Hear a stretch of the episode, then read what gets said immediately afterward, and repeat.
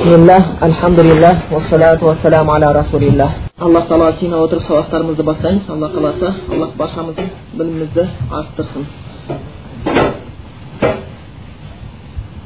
есіме шығып кетпей тұрғанда бір ілгеріде маған сұрақ қойған еді құрбан айт кезінде оның тағы бір екіншіде жауабы бар екен сол бір сұрақ сияқты болып қалады мынау намаздан кейін тәкбір бар еді ол тәкбір аямы ташриф яғни ташриф күндері айтылатын тәкбір намаздан кейін аллаху акбар аллаху акбар ла иляха иллаллах аллаху акбар деп соны намаздан кейін бірден айтқан дұрыс па жоқ астағфируллахты айтып барып айтқан дұрыс па деп қойған едіңіздер естеріңізден қалса сол мен айтқан едім яғни аллаху акбар аллаху акбарды тәкбір ташрифті айтып одан кейін барып намаз дұғаларын айта береміз деп ә, бірақтан тағы бір жауабын кездестім оның жауабы кішкене сәл дұрысырақ көрінді оған осаймин ибн осаймин жауап берген екен ол кісі сұрақ қойылған кезде ол кісі айтқан екен дейді ә, бірінші астағфирлахты айтамыз жоқ аллаху акбарды тәкбір ташрифті бірінші кірісуіміз керек бар енді ол кісі айтқан екен дейді астағфирлахты айтып алған дұрыс депті себебі біз намазымыздағы кеткен қателіктерін не кемшіліксіз орындай алмаймыз кемшілік болуы мүмкін астағфируллах оның кішкене кемшілігін түзеуіне мүмкіндік береді сондықтан астағфирлахты айтып одан кейін барып тәкбір ташрифті айтамыз деген екен дейді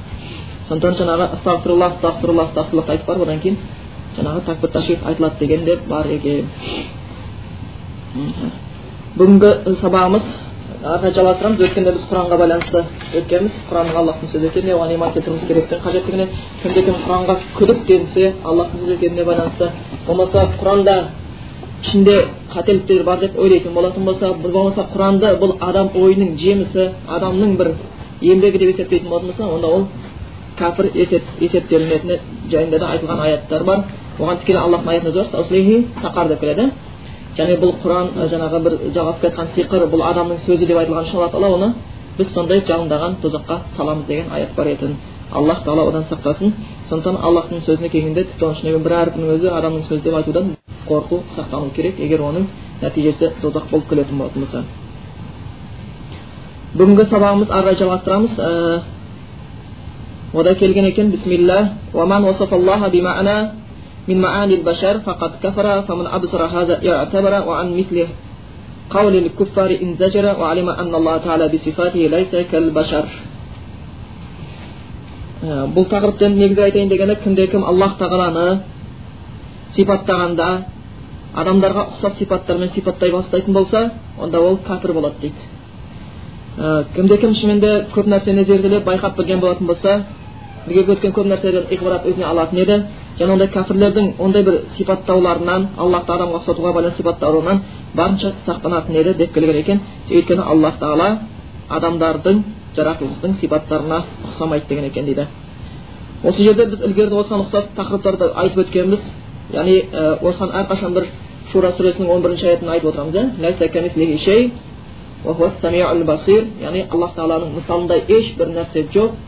Аллах тағала яғни көруші естуші көруші деп айтып отыратынбыз яғни аллах тағалаға ешнәрсе ұқсамайды деп аллах өзі айтып тұр сондықтан аллах тағаланы бір нәрсеге ұқсата бастаса расында аятқа қарсы келгендік болып қалады бірінші аллах тағалаға раббыға нұқсан келтіріп отыр екінші аллахтың аятына қарсы келген уақытта кәпір болып кетеді сондықтан аллах тағаланың бүкіл сипаттары өзіне тән бұл жаратылыстардың сипаттарына ұқсамайтын болып табылады екен бірақ біздің мүмкін ойлауымыз мүмкін яғни айтып ғой кім зерделеп назар салса ол өзіне ғибрат алады деген сияқты. Ілгергі қауымдардан яхудилерден насранилерден аллах тағаланы яғни адамға ұқсату болмаса яхудилер сияқты аллахты адамға ұқсатып христиандар аллахты яхудилер аллахты адамға ұқсатса христиандар болатын болса адамды аллахқа ұқсатқан сияқты сондай көптеген нәрселер болған.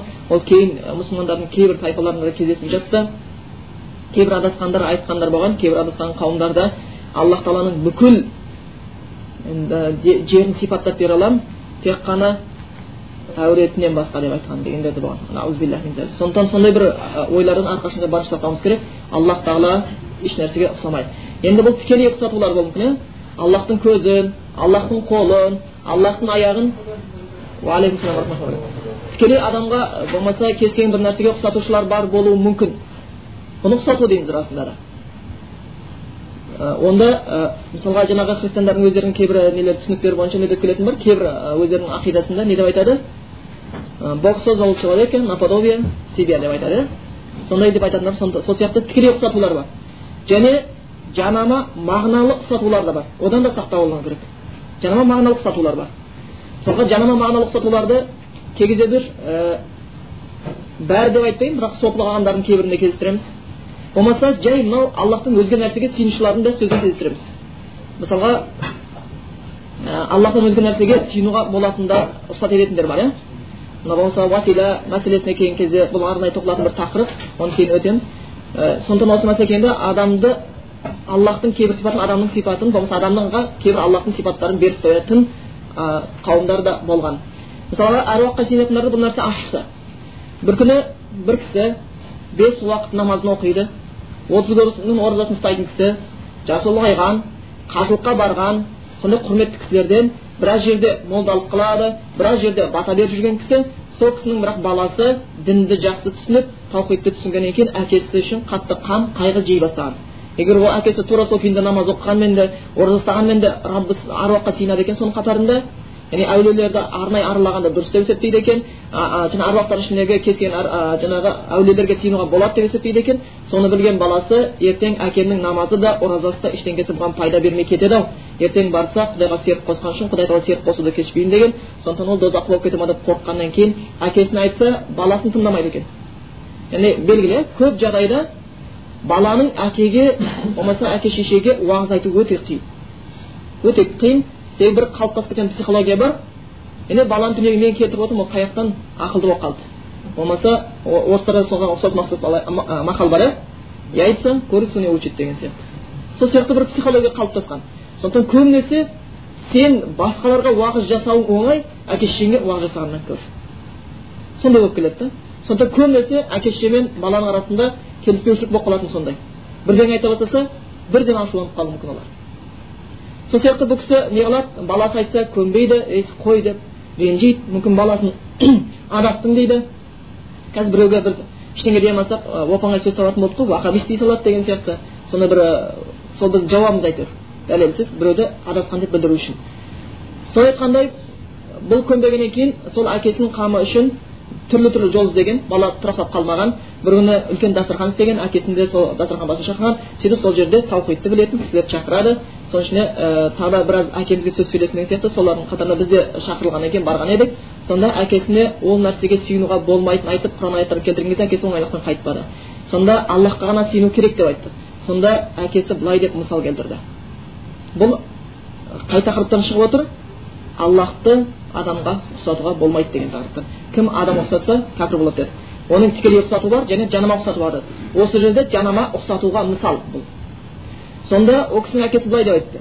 Сендер қызықсыңдар деді. Егер қазір облыс әкіміне кіретін болсаңдар біреулер тікелей есік теуіп кіріп кете аласыңдар ма деді. Кіре алмайсыңдар ғой деді. Сендер кезекке тұрасыңдар жазыласыңдар қай мәселемен кіретіндеріңді айтасыңдар.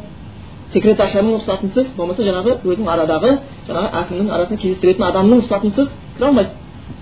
Ол барып айтады әкімге пәленше деген келіп тұр кіргізейік па десе кіргізсе кіргізеді кіргізсе кіргізбейді енді бұл адамның арасында сондай дейді да облыс әкіміне сөйтіп кіре алмайсыңдар бір титтей облысты басқаратын әкім алып сөйтіп кіре алмайсыңдар біреудің рұқсатынсыз дейді бір адамсыз дейді секретарсыз дейді ондай болатын болса сендер дейді бүкіл әлем раббысы аллахқа қалай тікелей ұялмасаң барып кіріп кеткілерің келеді дейді есігін теуіп ұят емес пе екен дейді да сол үшін біз арамызда жүрген секретаршаларымыз бар секретарларымыз бар олар құдайдың сүйген құлдары әулиелер біз солар арқылы ғана оларға жете аламыз біз қара бетпіз біздің күнәміз көп біз тікелей аллахқа баратын ешқандай шамамыз жоқ сондықтан біз солардың көмегі арқылы солардың шапағаты арқылы солардың араша түсіп қолдаулары арқылы ғана біз сол раббымызға бара аламыз деп айтты осы сөзді осы бұны мағыналық ұқсату дейді осыны аллах тағаланың істерін жер бетіндегі адамдардың істеріне ұқсату дейді осыны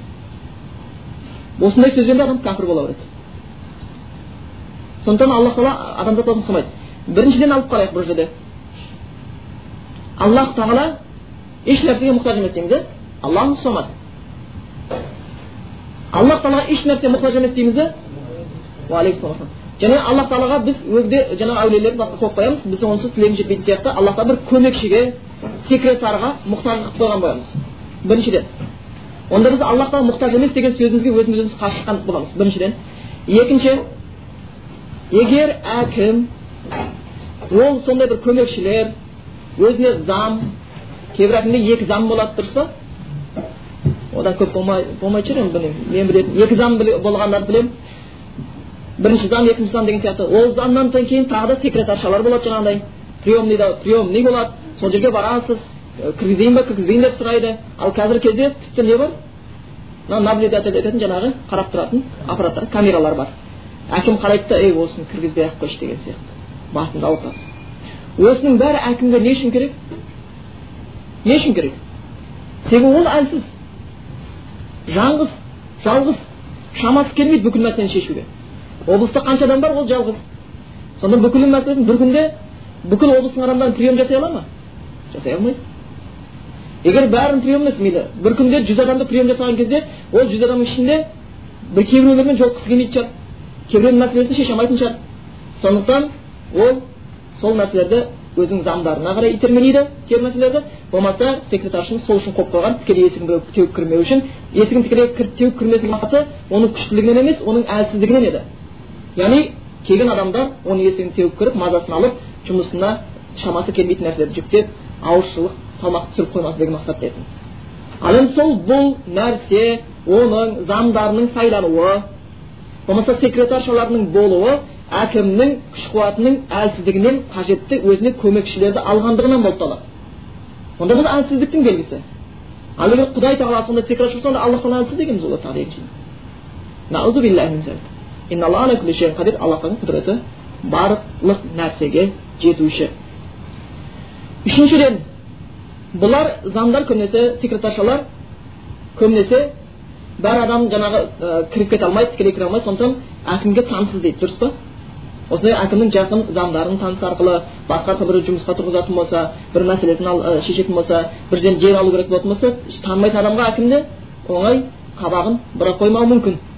Сондықтан ол осындай кезде ә, таныс іздей бастайды.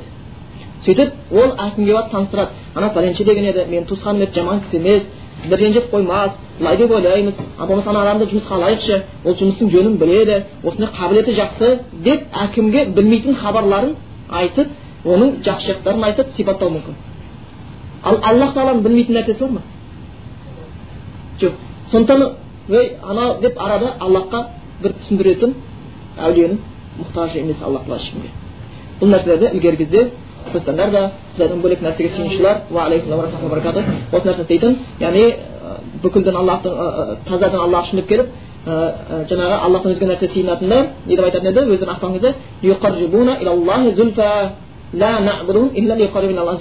біз бұларға сыйынбаймыз бірақ сыйынамыз не үшін аллахқа жақындатсын деп дейді аллахқа жақындатсын деп сыйынамыз дейді да тура осының сипаты болып қалады әруаққа сыйынушылардың болмаса аллах пен адам арасында бір уасита делдал яғни арашашы шапағатшы қолдаушы керек дегендер мысалы міне кімде кім аллахты осы сипаттарын құдіретін аллахтың осындай құдіретін жер бетіндегі адамдардың сипаттарына істеріне ұқсата берсе онда кәпір болады сондықтан аллах тағаланың ісі де аллах тағаланың сипаты да өзі де адамзат баласына ұқсамайтын болып табылады екен сондықтан осы аллах тағаланы тікелей ұқсату бар аллах тағаланы жанама ұқсату бар бұның бәрі күпірлікке алып баратын жолдар аллах тағала пенделердің ешкімге мұқтажсыз ақ бүкіл тілектерін естиді аллах тағаладан ғайып нәрсе жоқ аллахның білімінен тысқары нәрсе жоқ аллах тағаланың құдірет күшінен тысқары нәрсе жоқ сондықтан аллах тағала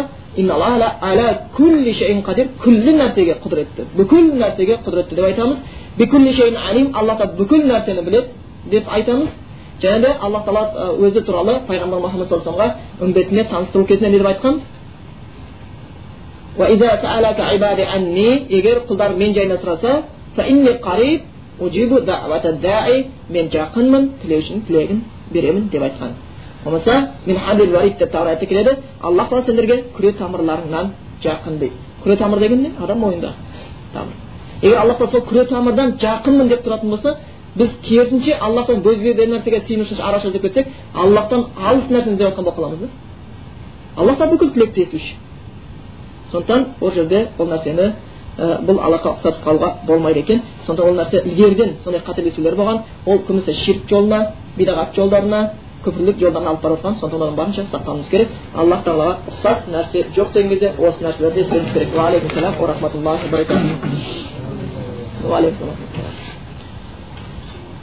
келесі тақырыбымыз дейді. Яғни аллахты көруге байланысты мәселе. Бұл мәселеде де таластар туған кездері болған. Аллахты көруге байланысты кейбір ғалымдар ол осы мәселеде төртке бөлінген топтар болған дейді. Біреулерді аллахты расында көреміз құран мен сүннетте келгендей деп айтқандар болған. Енді бұл жаңағы көбінесе осы әхл сүнна жамаат жолдар сөйтіп айтқан. Себебі анық нақты дәлелдер бар еді аллахты көруге байланысты. Екінші қауымдар болған аллах тағаланы көру мүлдем мүмкін емес дегендер болған ондай қауымдар шыққан жахмия мутазила сияқты мына рафида деп қоямыз мына біздерде шиға деп танып кеттік оны рафидалардың кейінгілері хауариждерден сол кейінгі нелер кейбір тармақтар олар кейін өзінше тағы да бөлінген хауариждер солар уағалейкум салам рахматулла баракат солар өздерінің арасында аллахты көрмейміз деген көре алмаймыз мүмкін емес көру деген ә, нәрсеге келген бар олардың да өздерінше соған дәлелдер айтқандар болған одан кейін үшінші топтар болған олар аллахты көреміз бірақ белгілі шарттармен ғана көреміз деп шарт қоюлар философиялық тұжырымды айтып кеткендер болған немесе маған ашариттер матуридиларда келеді мысалы көреміз бірақ оңнан емес солдан емес деген сияқты бір құранда сүннетте келмеген сөздерді философиялық тұжырымдарды қолдану арқылы айтқандар болған. Төртіншілер болған.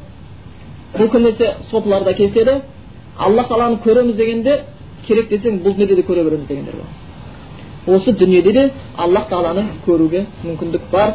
Сондықтан біз жүрегімізді тазаласақ қатты шүкірлік қылсақ әбден құлшылыққа берсек аллахты осы дүниенің өзінде де жүрекпен де көзбен де көре береміз деп айтқандары болған. Осыған байланысты абу ханифа негізі әхлі сүннадағы өте белгілі күшті имамдардың бірі ол өзінің фиқул акбар кітабында иә жаңағы деп келеді аллахты көру рас оны оны иман келтіргендер көреді бастағы көзбенен көреді фил жәннатта көреді деп айтып кеткен өз кітабында бірақ осы кісінің өзінің атынан сөйлеушілер болған бұл абу ханифаның сөзі алла рахметіне бөлесін ол кісіні бірақ кейінгілер айтады сол кісіні мақтап шектен шыққан кезде абу ханифаға байланысты кей кезде өтірік хадистер шығарғандар болған осы есімізден шығармайық мысалы бір кейбір хадистер бар абу ханифаға байланысты мәртебесін жоғарылату үшін айтады пайғамбарымыз өзінің хадисінде айтып кеткен яғни адам алейхисалам адам алейхисалам ол меніменен мақтанатын еді өзінің жаңағы нәсілінен мен сияқты пайғамбар шығатынына ismuhu жаңағы нұман ибн сабит деп келетін бір хадис айтады ал мен болсам менің үмбетімнен шығатын бір кісімен мақтанамын оның аты нұғман ибн сабит деп айтқан дейді сөйтіп нұғман ибн сабитті пайғамбарымыздың мұғжизаларынан бір мұғжизасы сондықтан жаңағы ертең махди түссе де сол кісінің жолымен жүреді деген сияқты сондай нәрселерді сол кісінің жаңағы кітабыменен мазхабымен жүреді деген сөздер айтқан болған бірақ бұның бәрі өтірік хадистерден болып табылады өтірік хадистер және сондай бір нәрсе абу ханифа байланысты кейбір айтады абу ханифадан келген риуаят бойынша ол кісінің өзі айтып дейді мен құдайды көрдім түсімде жүз мәрте көрдім деп айтқан сөз айтқан дейді бұл өтірік сөз міне осындай кей кезде кейбір адасқан топтар өздерінің өтірік сөзін өткізу үшін елге белгілі болған имамдардың атын пайдаланатындар да болған оны естен шығарып кетпейік бұл нәрсе өзі кездесіп отқан бұл шайтанның тәсілдерінен. Болмаса айтайық мысалға кей кезде жамандауға мәселесі келгенде солай. Мұсылмандарды адастыру үшін жаман жолға салу үшін сондай қолданатын тәсілдер болған мысалға мың бір түн деген кітап бар иә. Сол мың бір түн деген кітаптың ішінде харун рашид деген сондай халифа шыншыл халифаларды масқара жексұрын қылып көрсетеді дінсіз опасыз қылып көрсетті. Бүкіл мұсылмандарды зинақор қылып көрсетеді ол исламға қарсы шыққан кітап еді. Оны кейін таратты нағыз шығыстың болмаса мұсылмандардың әдебиеті деп сөйтіп таратқан а бірақ харун рашид расында өте салиқалы кісілерден болған құдайдан көп қорқатын болған уағыздарды көп тыңдайтын еді ол кісінің сондай бір тақуалығы жайында көптеген деректер бар сол сияқты кей кезде ә, мұсылмандар жолдан азаттыру үшін шайтанның осындай бір тәсілдері жақсы адамды жаман жақтарын көрсетіп ей ондай бола береді кемшіліктер істей бер бұндай нәрсені болмаса жақсы адамды бір нәрселерді көп байланып отырып жаңағы жамандыққа алып баратындар сондықтан абу ханифа айтқан екен құдайды түсімде жүз мәрте көрдім дейді бұл да өтірік абу ханифа өз сөзіне қарсы жүрген кісі емес бұл кісі өзінің кітабында жазған яғни мұсылмандар иман келтірген құдайды көретіні рас ол ақиқат оны көздерімен бастағы көздерімен көреді бірақ жәннатта көреді деген болған соған байланысты тақырып екен ода айтады яғни бұл кітапта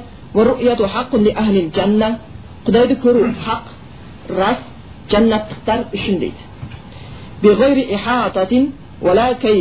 яғни көру бірақтан толық қамтуменен болмайды және де бір ұқсатуменен болмайды көрген кезде о аллах мынандай ұқсаған екен деп айта алмайды аллах тағала еш нәрсеге ұқсаушы емес оны біз аллахтың кітабында да көреміз дейді айтылған дейді ол күні бір, бір жүздер жарқырайды раббыларына қарайды деген қараушы деп келеді сондықтан олар көретін жайында нақты аяттар айтылған дейді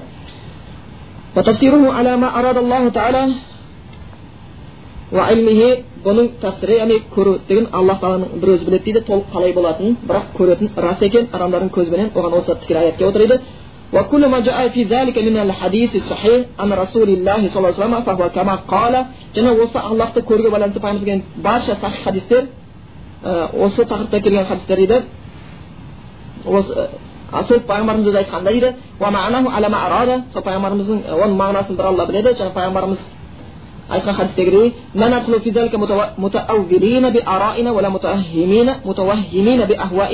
біз оны дейді арғай ойымызбенен қазбалап жатпаймыз дейді да өзіміз пікірімізді салып кетпейміз дейді да көргенде қалай көреді көргенде былай көреді деп арғай бізге айтты көресіңдер раббыларыңды көреді ол күні жүздер жарқырайды раббыларың көреді деп айтылды нақты пайғамбарымыз хадисінде де айтылып кетеді көреді деп бірақ былай көреді екен былай көрмейді деп біз оны арғай өз ойымызбен кетіп қалмаймыз көбінесе осы құранда шариғатта бір нәрсе нақты айтылғаннан кейін дұрыс бірақ енді бұл жер мынандай деп өз ойымен түсіндірушілер көбінесе арасында болған осы өз ойын құдайдың нақты сөзіменен пайғамбардың нақты сөзі келгеннен кейін үшінші бұған қатысы жоқ осыған қарама қарсы ойларды айта бастағандар адасу топтарды шығара бастаған болып табылған және осы жерде мына бір қағиданы айтып кетті осы нәрсені аллахты көруге байланысты айтқан екен бұл қағиданы баршамыз есте сақтай тұрсақ өте керекті қағидалардан бұл кісі имам тахауи айтады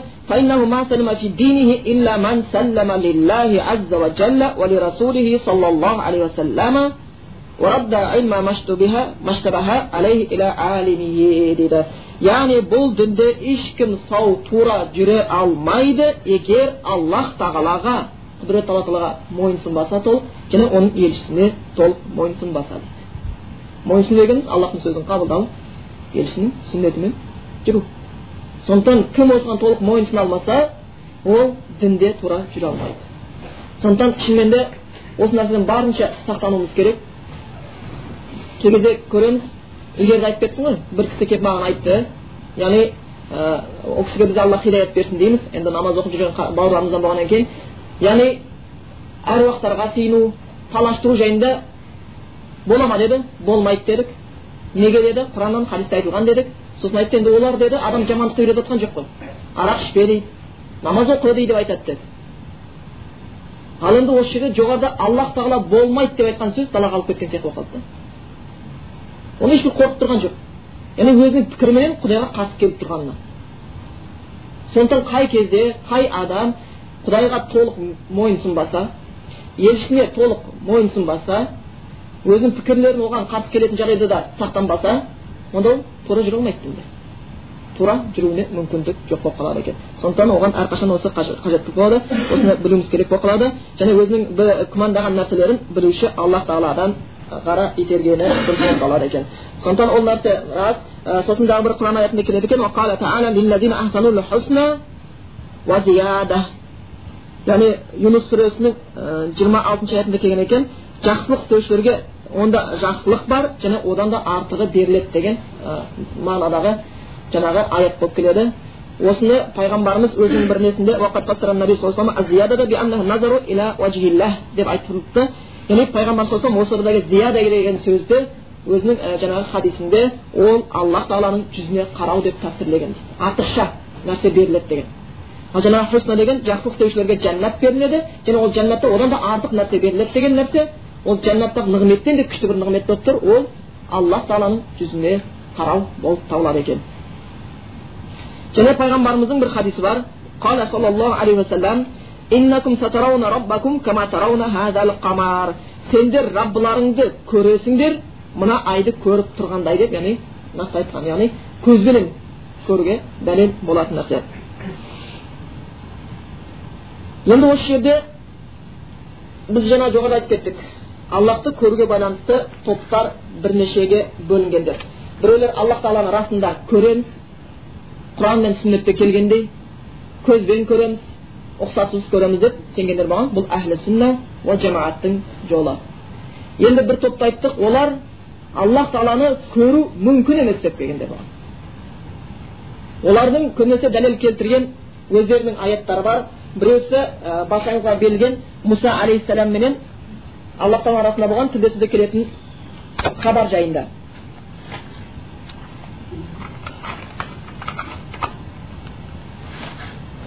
Ол хабарда мұса алейхисалам аллахпен тілдескеннен кейін не деп айтатын еді? Аллах тағалаға аллах тағала маған аллахтың оған көрінуін сұрайтын еді. Бірақ сонда аллах тағала оған айтқан ләң тарани сен мені көре алмайсың деп айтқан сен мені көре алмайсың деп айтқан осы аятта олар сүйеніп келеді да яғни біз аллах тағаланы көре алмаймыз яғни мұса алейхисалам пайғамбар болып тұрып көре алмағанда біз қайдан көреміз көреміз алла тағала мені көре алмайсың деп айтты дейді осы аяттарда болмаса жаңағы аяттар бар аллах тағаланы көздері қамти алмайды бірақ аллах тағала барша көздер қамтиды деген аяттар бар соны сүйене отырып олар аллах тағаланы көре алмаймыз деп келген бірақ олардың осы сөздерінің өзіне мұса алейхисалам аллахтың алдында болған сол аяттың өзі қарама қайшы яғни солар өздері сол аятты түсіне алмаған бірінші алып қарайтын болсақ мұса пайғамбар енді айтады ғой біреу айтады мұса пайғамбарға аллах тағала тілдесті бәрін берген екен ол аллах тағаланы көруді сұрады дейді осы кезде дейді пайғамбарларға тән болған нәрсе пайғамбарлар мүмкін емес нәрсені құдайдан сұраушы емес мүмкін емес нәрселерді құдайдан сұрайтын кісілер емес олар күнәдан пәк кісілер сонда айтамыз тілектердің бір әдебі мүмкін емес нәрсені сұрамау егер құдайды көру мүмкін емес болатын болса ал құдайды пайғамбарлардан жақсы танитын кісілер бар ма жоқ пайғамбарлардан артық танитын ешкім жоқ онда мұса пайғамбар құдайды көре алмаймыз деп айтқан кейінгі пайғамбар емес жай адамдардың өзінен артық біледі құдайды онда біліп тұрып неге сұрайды құдайдан көрінуін егер құдайды көру мүмкін емес болатын болса құдайды еш жақта көре алмаймыз дегендерге осының өзі дәлел бірінші бірінші оны сұрады яғни көрінуін сұрады яғни ол мүмкін емес нәрсені сұраған жоқ болып табылатын еді екінші осы жерде мұса аллах тағаладан көрінуін сұраған кезде аллах тағала оған сол сұрағы үшін оған ескерту айтты ма ескерту айтқан жоқ бірақ бір ә, естеріңізде болатын болса кімнің оқиғасы? Нұх алейхисаламның оқиғасы? Нұх алейхисалам ә, кемеге отырады иман келтірген қауымменен бірақ оның әйелі баласы дінге келмеген еді иман бұйырмаған еді.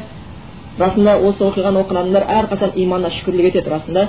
Себебі сондай пайғамбардың қасында жүріп пайғамбардан сөз естіп жүріп не әйелі баласы дінге келе алмаған болса біз құдайға неміз өтіп кетті екен сонша бізге иман бере салатын деген ой келеді да кей кезде аллах тағала иманды сүйген пендесіне береді деген хадис бар бұхаридің кітаб адапта келетін сияқты сондықтан бізге соны бергеннен кейін біз соны ғанимет біліп шүкірлік етуіміз қажет өте қажет міне сондай нұх пайғамбар баласы ә, жаңағы дінге келмеді кейін кемеге мінген кезде баласын не алады нұх алейхисалам көреді қалың топанның арасында топан судың арасында толқын арасында жүзіп бара жатқанын сонда баласына я деп айтады қанша дегенмен әкелік жүрек қимайды баласын ей ұлым менің мін бізбен бірге деп кемеге мінуін шақырады сонда бала айтқан мінбеген жоқ мен тауға шығамын да құтылып кетемін деп айтты сонда оған айтты аллахтың азабынан құтылушы ешкім жоқ деді есіңізде болсын егер аллахтан бір азап келетін болса одан біреу құтылып кетті деген нәрсе бұның өзі де күнә бұның өзі де күнә болып табылады сондықтан аллахтың назарынан тысқары нәрсе жоқ адам айтайық біреулерге бір азап жібергісі келетін болса біреулерді қырта жіберсе айтамыз қырық жыл соғыс болса да ажал жібермейді деп айтамыз. Бұл адам адасады бірақ аллах тағала біреуге азап ажал жіберетін болса одан құтылып кетті деген нәрсе үлкен күпірлік сөз болады. Сондықтан айтып тұрған әкесі пайғамбар жоқ одан құтылатын ешкім жоқ аллахтың азабынан құтылатын деді. Кейін бірақ көз алдында баласын суға алып кетті. Топан су бастырып кетті.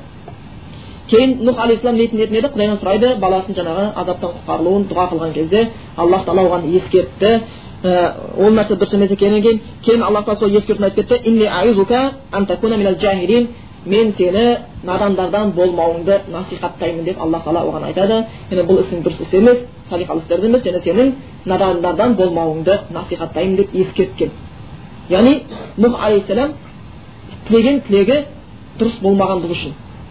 Сондықтан осы жерде және бір қатты ескеретін нәрсе егер бұл дүниеде баламыз ұлдарымыз қыздарымыз иман келтіріп құдайға серік қоспай таухидпен өтпеген болса бұл дүниеде әке шешеміз таухидпен өтпеген болатын болса біз оған миллион жерден дұға тілек жасайық мың молданы әкеліп құран хатым оқытайық бидағаттың жолымен бүкіл нәрсені істейік ешбір пайда келтіре алмаймыз. Пайғамбарымыз мұхаммед мұстафа саллаллаху алейhi пайғамбарлардың абзал болған пайғамбар өзінің ең жақсы көрген кісі абу талибке ешбір нәрсе істей алмаған сияқты. Аллах тағала оған дұға қылудан тыйғаны сияқты. Сондықтан біз осыны нәрсені қатты ескеруіміз керек болып табылады. Сонда оған алла тағала осы істеген ісі үшін сол баласы қылған дұға үшін салихалы емес баласына қылған дұға үшін айтты. Мен сенің надандардан болмауыңды насихаттаймын деп ескерткен неге? Құдайға қарсы келгендерге мүшриктерге қарап дұға тілеу болмайды. Солай деп айтқан еді. Сол үшін біз қабір қасынан өткен кезде қабірге кей кезде барып зиярат қылып дұға қылып қалатын болсақ не деп айтамыз ассаламу алейкум ахлад дияр минал муминина вал муминат вал муслимина вал муслимат ва инна инша аллаху бикум бұл қабірстанда жатқан дарға сәлем деп айтып қойса жетер еді ассаламу алейкум қабірдегілерге аллахтың сәлемі болсын деп айтса жететін еді бірақ біз айтамыз иман келтіргендерден болған ерлер мен әйелдерге деп айтамыз да тек қабірстан ішінде мүмкін мүшриктер жатыр сондықтан ол жерде мұсылманның қабірінде жатса да оларға пайда келмейді сондықтан ширк күнәсінің бір жаманы дүниеде жақсылықтан ажыратып қояды ақыретте және жақсыны алып қояды сіз дүниеде мүмкін амал дәптеріңізде күнәңіз көп болатын болса егер ширк күнәсін өтіп кеткен болатын болса онда амал дәптеріне артында қалған салиқалы ұрпағының дұғасы да сауап болып қосылмай ол қияметке күні келмей жатып тозаққа кірмей жатып қатты азаптар шегіп жататыны бар сондықтан осы нәрсені тілеген кезде алла тағала оны ескертті яғни құдайға қарсы келушілерге мүшриктерге дұға қылу дұрыс еместігіне ал мұса алейхисалам алла тағаладан аллах тағаланың сұраған кезде аллах ескерткен жоқ яғни бұл деген сөз дұрыс емес деген нәрсе емес етін мұса алейхисалам істегені дұрыс емес деген нәрсе емес етін бірақ аллах тағала айтты лән тарани сен мені көре алмайсың бірақ мына тауға қара егер ол тау орнында тұрақтаса онда мені көресің деп айтты кейін аллах тағала тауға көрінгенде тау быт шығып кетеді быт шыты шығып кетеді мұса алейхисалам талып қалады кейін тұрып кешірім сұрайды аллахтан кешірім өтінген болып табылады енді осы жерде тағы мәселелер шығады жоғарыда айтып кеттік сопылық тармақтағы кейбір кісілер құдайды бұл дүниеде де көре аламыз дейтіндер бар расында егер мұса пайғамбар көре алмаған болатын болса олар қайдан көріп қалыпты қалай көріп қалыпты олар бір балаларға кездестім зікіршілер деп аталып кеткен екен бастарын оңға солға шайқап зікір салып жатыр екен солармен амандастым шыны керек ол кезде менің собылықтармен онша қатты байланысым жоқ алғаш кездесіп жатқан кезім еді алматыда қарасу ма еді сондай деп аталатын жерде болған бірінші рет кездескенім бірінші көрген кезде ана балалар маған қатты ұнады мінез құлықтарыменен сондай бір кішіпейілігіменен кейін ойымда ештеңе жоқ балалармен сөйлесіп отырып бір арада уағыз әңгіме айтып отырған кезде бір бала құдайды пайдалансақ көруге болады деген сөз айтып қалды сосын мен не айтып отырсың дедім жоқ болады деді сөйтсем солай үйретілген екен сонымен болмайды абу ханифа былай деп айтқан ол болады деді сосын сөз талас шығып кетті сіз зікір деген нәрсені білесіз ба дедім сосын зікір деген нәрсе аллахтан естеу деп айттым намаз да зікір құран да зікір дедім жоқ ол зікір емес деп арнайы зікір бар болады деп айтты сөйтіп не қалды сонда қарасам олар құдайды көреміз деп жүргендіктері құдайды көреміз деп жүр екен бұл неде ал ертең егер шайтан көрінсе құдай дей салуы мүмкін дей салуы мүмкін неге олар көреміз деп жүр шайтанға жол ашып қойды өздері сондықтан от болып та су болып та көрінсе көріне салуы мүмкін бір ғалымды шайтан келіп азырған иә тал бір ойпаттан жаңылыс кетіп бара жатқан кезде талға от болып көрінгенде мен сенің раббыңмын мен сені таңдадым сенімен сөйлеймін деп мұса айтқан сөзді айта бастаған да бірақ ғалым кісі айтқан ей шайтан қой бұндайын сонда шайтан айтты дейді да ғалымдарды азыру қиын екен деген екен ғалымдарды азыру қиын екен егер шынымен де құран мен сүннеттен біреуде білім болмаса құдайды өзі көремін деп жүрген болатын болса бұрын ойпатта жаңылып кетіп бара жатса көріне салмақ сондықтан осы жерде егер мұса пайғамбар көре алмаған болатын болса онда жай адамға қанша жерден әулие болса да қалай көреді екен олар әлбетте көру мүмкін емес еді осы аятта сондықтан аллах тағала оны көре алмайсың деп айтты неге себебі біздің дүниедегі қуатымыз мұса дүниедегі қуаты аллах тағаланы көруге шыдап бермес еді сондықтан біз тек жәннатта ғана шыдап бере аламыз аллах тағаланы көруге бұл жерде мүлдем көрмейсің деген сөз жоқ жаңа мұғтазилалардың болмаса жахмиялардың айтқаны сияқты біз құдайды көре алмаймыз осы айтқан көре алмайсың деп айтқан деген сияқты бұл дүниеге қатысты істетін құранда құранда аяттар бар яғни олар жарқырайды раббыларына қарап тұрушы деп айтқан сияқты құранда аяттар келіп тұр пайғамбарымызда хадистер бар анық сахи хадистер құдайды көруге байланысты сонда біз бұл дүниеде көре алмаймыз бірақ ақыретте көреміз сол үшін не деп келген көру хақ жәннаттықтар үшін үшін болмаса абу ханиф айтқан иман келтіргендер ақыретте раббыларын көреді деп айтқан сөз соған байланысты айтылған енді жаңағы тау шыдай алмай кеткен болатын болса әлбетте онда адам баласы шыдай алмайды тау себебі өте күшті нәрсе сол үшін алла тағала соны мысалға көрсетті оған. Екінші. Екінші бұл жерде сен мені көре алмайсың деген сөз мүлдем көре алмайсың деген сөз мағына бермейді. Мысал алайық. Біреу қойнына тас салып келе жатыр томпайтып екінші біреу қарны ашып келе жатыр сосын қойнындағы тасты ойлап тамақ па? Бір алма ма? Деп ойлады да оған айтса е берші жегім келіп тұр қарным ашып тұр десе. Ол не деп айтатын еді? Бұл жейтін зат емес деп айтар еді дұрыс па? Бермеймін жемейсің деп айтпайтын еді ғой бұл жейтін зат емес деп айтар еді тура сол сияқты мұса алейхисалам аллахтан көрін сұрағанда көре алмайсың деп айтты. Мен көрінбеймін деп айтқан жоқ. Көре алмайсың деп айтты. Көрінбеймін деп айтқан жоқ енді тура сол сияқты егер біреу қойнына алма салып келе жатқан болса қарны ашқан адам одан берші жеймін десе жегім келіп тұрса онда оған айтуы мүмкін бермеймін саған деп айтуы мүмкін ол нәрсені яки болмаса бұл желінетін зат емес деп айту мүмкін болмаса жей алмайсың алып көрші алсаң жейсің деген сияқты. Айту мүмкін иә жей алмайсың бірақтан осы жерде бұл жейтін зат емес деп айтса онда не болып қалады айтушы? Өтірікші болып қалады. Жей алмайсың десе онда қазір жеуге мүмкіндік не оған шамасы келмейді болмаса жей алмайсың. Болмаса оған бергісі келмейді. Сосын алла тағала көре алмайсың деген кезде себеп бар да. Біз неде шыдай алмаймыз көре алмаймыз бірақ мен көрінбеймін деген сөз емес қой. Сонда бұл жерде аллахты біз көре алмаймыз деп айтқанда аллахты өтірік шешіп қойған сонда олардың сүйенгендері осы нәрсе болып келетін. Бірақ соның өзі олардың өзіне қарама қайшы істерден болып табылатын болып табылған. Негізі алла тағаланы көруге байланысты нақты хадистер көп. Ә, сондықтан ә, аллах тағаланы осы жаңағы неде келген сияқты көретініміз рас. Жәннатта алла тағала соны нәсіп етсін себебі нығметтердің ішіндегі ең үлкені де сол жаңа пайғамбарымыз тәпсірлеген сияқты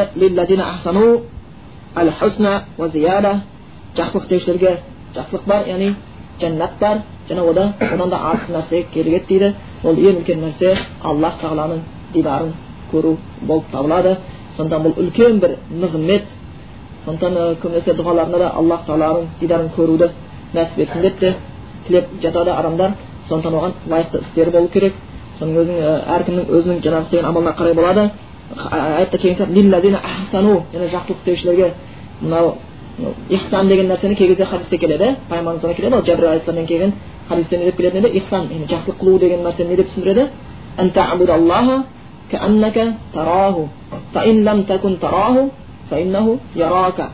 Жақсылық дегеніміз құдайды көріп тұрғандай құлшылық істеу. Егер сен құдайды көріп тұрғандай бола алмасаң құдай сені көріп тұрғаныңды ұмытпау кезде. Осы жерде және бір сіздерге айтып кетейін осы хадисті құдайды көруге болады дегендей осы дүниеде көруге болады дегенге дәлел қылып алғандар бар. Және қателескен араб тілінен әлсіздікке танытқан олар. Кәна деген көріп тұрған сияқты как будто деген мағына береді да. Көріп тұрып деп жатқан жоқ. Көріп тұрған сияқты құлшылық қыл деп жатыр да. Шын ықыласыңменен алла үшін істе деп келеді. Егер оған ондай нәрсеге жете алмасаң құдай сені көріп тұрған естен шығарма дейді. Оған хадистер ең жақсысы қай жерде болсаң да алла тағала өзіңмен бірге екенін естен шығармау деп келеді. Сондықтан біз сондай бір жәннатқа кіру үшін де деп келеді. Сондай ихсандық дәрежеде жақсылық қылғандар үшін сондай жәннат болады дейді. Сол үшін шынымен де құлшылықтарымызда раббымызды көріп тұрған сияқты раббымыздың разылығы үшін сияқты әрбір тіпті анау бишиқи тамратин деп келе жатқан хадисте келген сияқты тозақтан жарты құрмамен болса да өздеріңді қорқаңдар деп пайғамбарымыз айтқан болатын болса жарты құрманы да алла үшін берген кезде ықыласты жоғалтып алмауға титтей жақсылық істеген кезде де аллахтың разылығы үшін ал енді жарты құрманың өзінде тозақтан қорғау аллаға ықылас керек болатын болатын болса онда намаз да онда хажылық та онда ораза да онда үлкен бір зекет деген мәселелерде қаншалықты ықылас танытуымыз керек соның бәрін аллах үшін істеуіміз керек сол үшін айтылады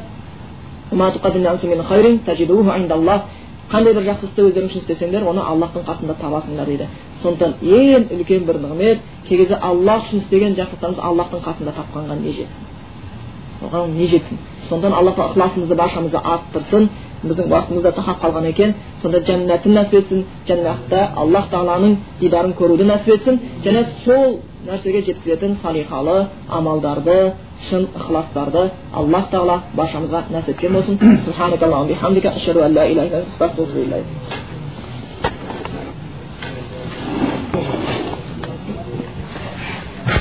Қараймыз деген кезде олар намаз екен құран оқымайды деп айтылды дейді.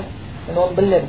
Негізі президент негізі дана көп нәрсені білетін кісі ол кісі ол кісі өзі айтты деп ойлай алмаймын оған қасындағы біреулер сұраған болу керек уахабистер деген кім деген кезде дүмше молдалар солай деп айтқан болу керек та сізге ертең соны қасындағы дүмше молдалар таяқ жейді президент емес президент тек айтыпты бірақ дүмше молдалар таяқ жейді негізі егер намаздан кейін құран оқу деп алатын болса намаздан кейін аят курсы құран намаздан кейін фалақ нас құран. Бірақтан кейін ал арнайы тоқтай қалып құран оқып бірінші мұхаммед пайғамбардан бастап әулиелерді қалдырмай түркістанда түмен бақ сайранда сансыз бап бақтың бап арыстан бап деп жетелеп жату осы жерде әрқайсысының атасына әрқайсысының шешесіне деп жату пайғамбарымызда сүннетінде біздерге үйретілмеген еді. Енді бірақ осы нәрсе біздерде кең тараған. Бұған айтып кеткенбіз кейбір ғалымдарда ұқсап келгендер бар. Рияду салихинде келетін бар бірақ біліңіздер ол имам шафиғидің сөзі емес имам шафидің шәкірттерінің сөзінен келеді. Шафии масқандағы жазғандықтан ол жаңағы бірақ ол имам шафидің сөзі емес шафии масқанның шәкірттерінің сөзі болып қалатын кейін осы мәселелерге кейбір қияс мәселелермен келіп шығарылған бірақ тікелей ешбір дәлел жоқ өлгенге құран оқып бағыштау керек деген тікелей дәлел жоқ бұл үміт сауап бара деген сияқты бірақ тікелей біз үміт қыла аламыз ешбір күмәнсіз артында қалған ұрпақ егер салихалы жолға түсетін болса және дұға қылатын болса оның сауабы баратынына біз ешбір күмәнсіз сене аламыз себебі пайғамбарымыз солай айтқан артында қалған ұрпақтың салих ұрпақтың қылған дұғасы деп айтқан енді біздің жағдай келуіміздің басымызға бір бардық әлі толық түсінген жоқ бір ауылға бардық біреу қайтыс болып жатыр бір үй бар сіз енді ойыңызда насихаттасам деп отыр едіңіз бірақ та айтты ойпырмай балам қайтыс болды әке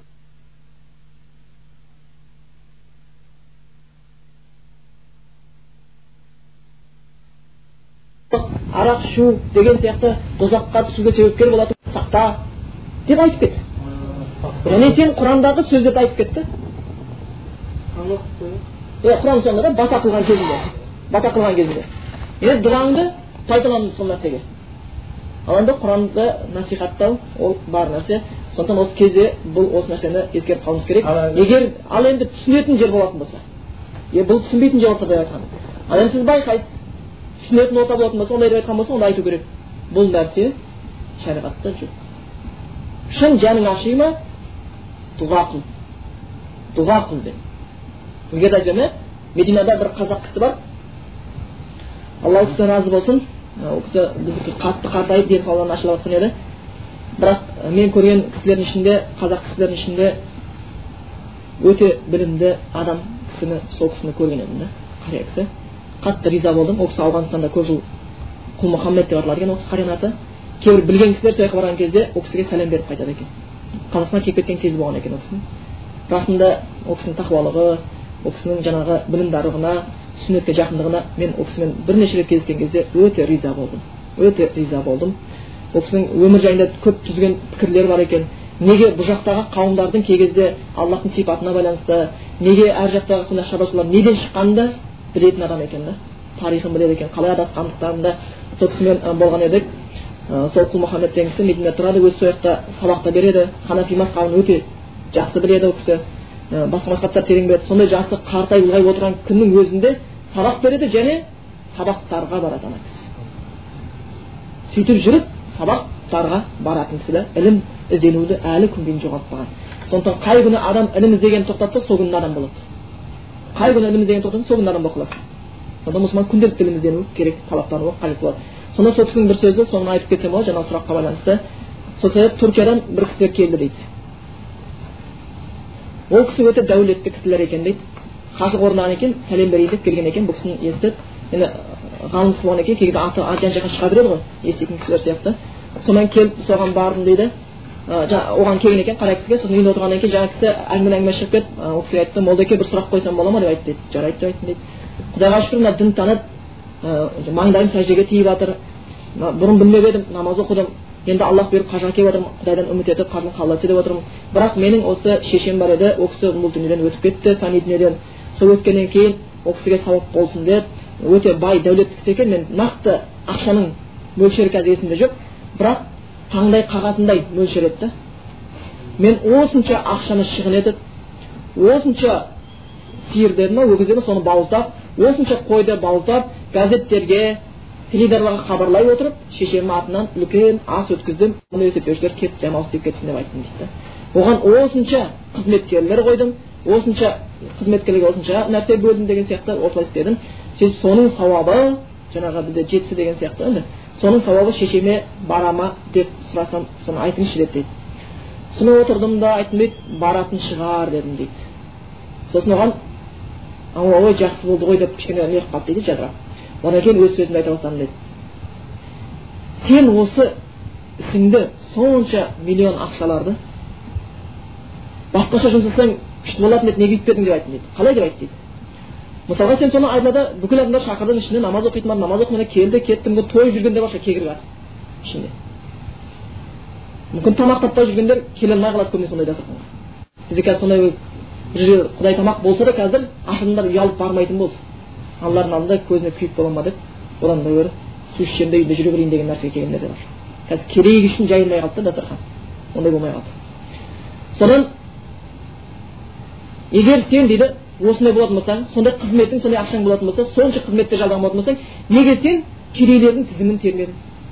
Жесірлердің жетімдердің тізімдерін термедің мұсылман кісілер одан кейін соның бәрін далаға жайып мүмкін желінді желінбеді мұсырханша кетті деген сияқты соны қап қап ұн қылып алып ет қылып алып сол қызметкерлерге жаңағы әрқайсысын сен мына регион сен мына регион деп бөліп соған тиісті ақшасын беріп атыңды да атап қыздай аллахтың разылығы үшін алыңыз деп бөгде адамдарға таратып оң қолыңның берген сол қолың білмейтіндей қылып кедейлердің үйіне қапшығыменен етіменен апарып тастасаң ол бір күнде емес айлап мүмкін сорпа ішер айлап мүмкін қамыр илер мүмкін нанын пісіріп жер еді сонда қанша деген сауаптар баратын еді шешеңе деп айттым дейді.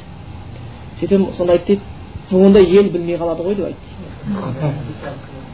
ел сонда не деп айтады деді дейді да сонда? Ел не деп айтады дейді? Да хадис құдыстың бірінде келеді аллах айтады ей адам баласы сен адамдардан ұяласың адамдардан қорқасың менен ұялып менен қорқу қайда дейді да аллах айтады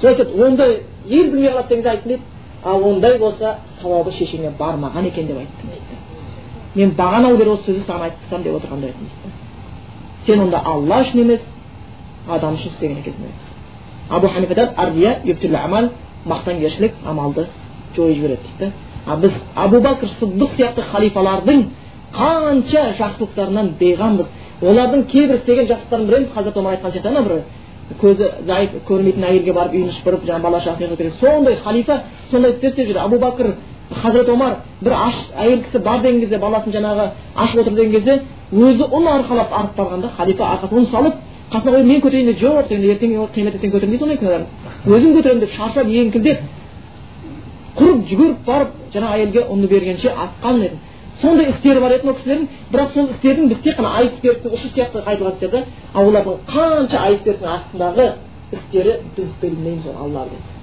алла білген үшін олардың мәртебесі жоғары олар алла үшін істейтін ал біздерде қазір бір істесек біздікі керісінше да құдай үшін істеп жатқан ісіміз өте аз оның тағы тоқсан процентін енді жақсы қылып айтқанда ғой ел үшін көрсеткіміз келіп тұрады. Медина қаласында өзім болған кезде бір кісі айтады ілгергі уақытта дейді сол қалада бір енді мединада бір әмірлік қылған бір кісі болған екен жақсы салиқалы тақуа кісі. Елдің бәрі дейді сол мединада дейді кедей кепшіктер дейді күнделікті тамақтарын ішіп күнделікті садақа таратылады дейді бірақ адамдар ақыры білмей қойды дейді сол кім екенін дейді. Білмей қойды дейді да іздегендер болып таппай қойды дейді да.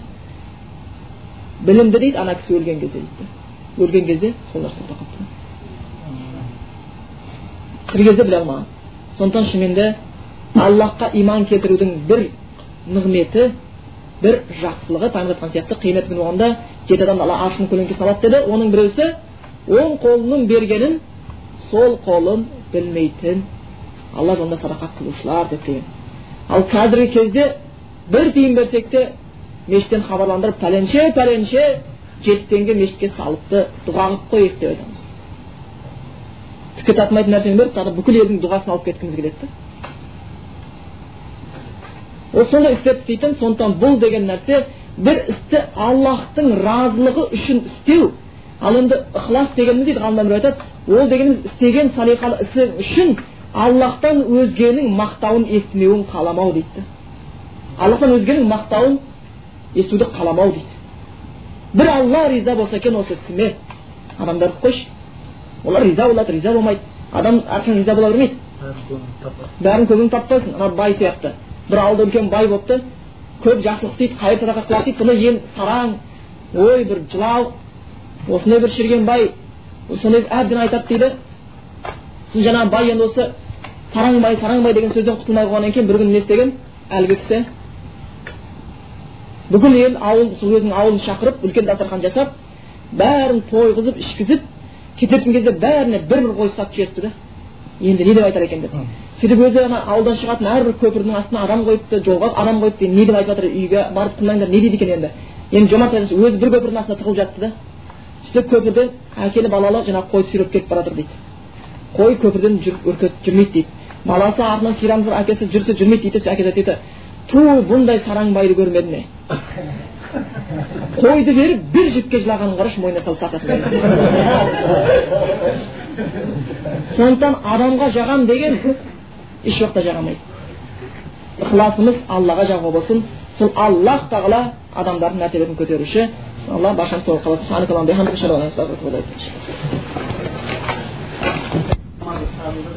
одан кейін намаз бас жағына отырып алып мысалы имам болсын жаңағы не бәрі халыққа бәрі жамағат дұға қылады ойбай кәләм шарифтің осындай аят хатым құраннан осындай жаңағы даулатады да ол осы айтып алып кетеді сол дұрыс па дұрыс сіздің жаңағы сөзіңізге қарағанда өлгеннің артынан дұға қылмау дегенге жоқ дұға қылу бар бірақ ана құран оқу деп арнайы соны айтқанбыз ғой осы жерде қатты иә иә. Жалпы біздің қабір басында құран оқытқан келетін болса абу ханифаның егер тура ханафи мазхабын ұстайтын болса онда абу ханифа қабір басында құран оқуға запрещать етеді тыйым еткен. Негізі абу ханафи мазхабында құран басында құран оқуға тыйым етілген негізі абу ханифа мазхабында біріншіден ол кейінгі ғалымдардың рұқсатымен шыққан нәрсе деп отырмыз ғой. Сонда қазір ол нәрсе көп кездесуі мүмкін. Қазір бірден оларға біз айтсаң түсінбеуі мүмкін. Сондықтан бізге қазір білім жетіріп кейбіреулерге де үйреніп үйретуіміз қажеттілік болып қалады. Ал енді ол нәрсе дұрыс па дұрыс айтатын болса расында біздің міндетіміз бауырымыз өлетін болатын болса оның тезірек жаназасын шығаруға тырысамыз сол жаназасында тұруымыз сол өзі дұға да. Оған жасаған дұғамыз. Сол біздің дұғамыз болып қалады. Одан кейін соны алып барып қабірстанда одан кейін жерге қою қойысуымыз сол кезде қабір басына қойып жатқан кезде мысалға сол үшін аллахтан жеңілдік истиғфар шынымен тілеп тұрсақ болады.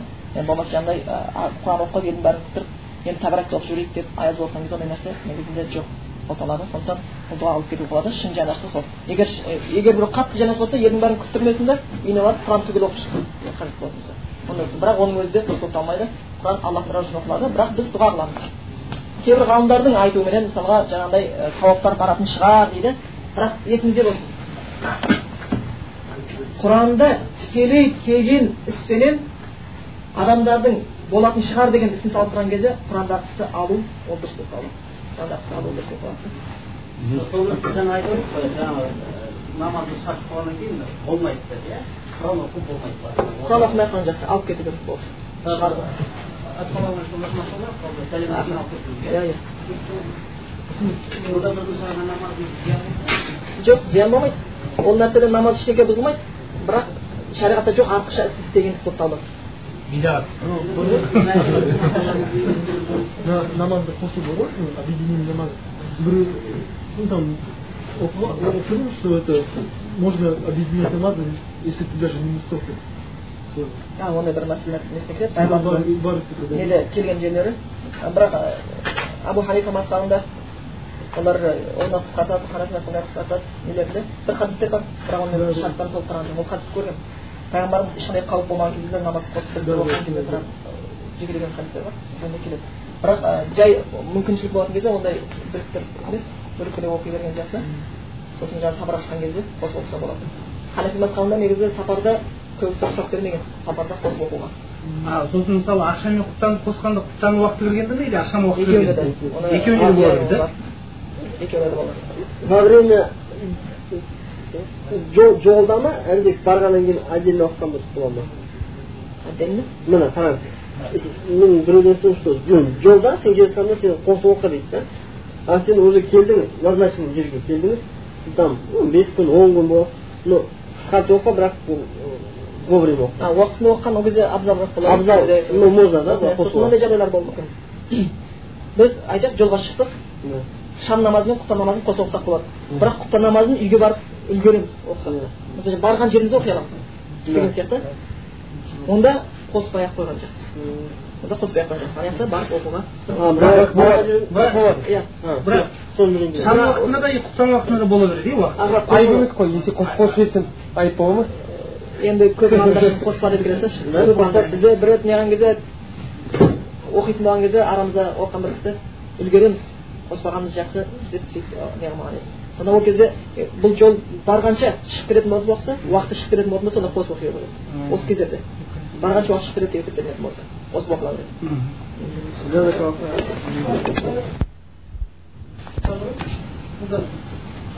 еще күн и бірнеше күн бірнеше шешіп киіп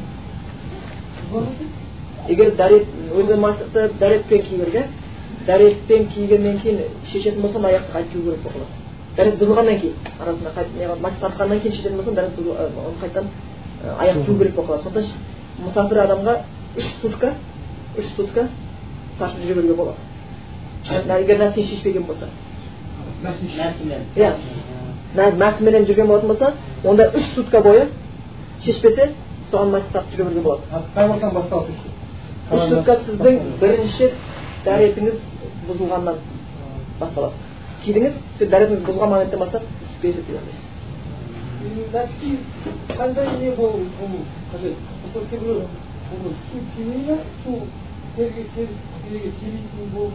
ал оның кейбір ханафи мазхабында шарттар бар. Тері көрінбеуі керек одан кейін барып майыстырлай сумен тасып өткен кезде сол су аяққа өтіп бармайтын болу керек деп кетеді. Ханафи мазхабында айтады. Бірақ носки дейді жай носки иә қалыңдау носки иә бұл неде келеді? Хидая кітабында келеді абу ханифаның өзінің сөзі бірақ шәкірттері сөзі ретінде келеді. Яғни болады дейді. Оған да бірақтан қалың болса одан аяқтың башыратын деп қояды терісі терісі көрінбейтін болса дейді ана носкиден қараған кезде артық аяқты көрсетіп тұрмайтын болатын болса одан кейін жаңағы мына мас деген значит сулап қой су тамыз емес сулы қолмен сүртіп соны сүргізіп өткен кезде соның суы бірден жаңағы аяққа жетіп бармайтын болса деп. Иә,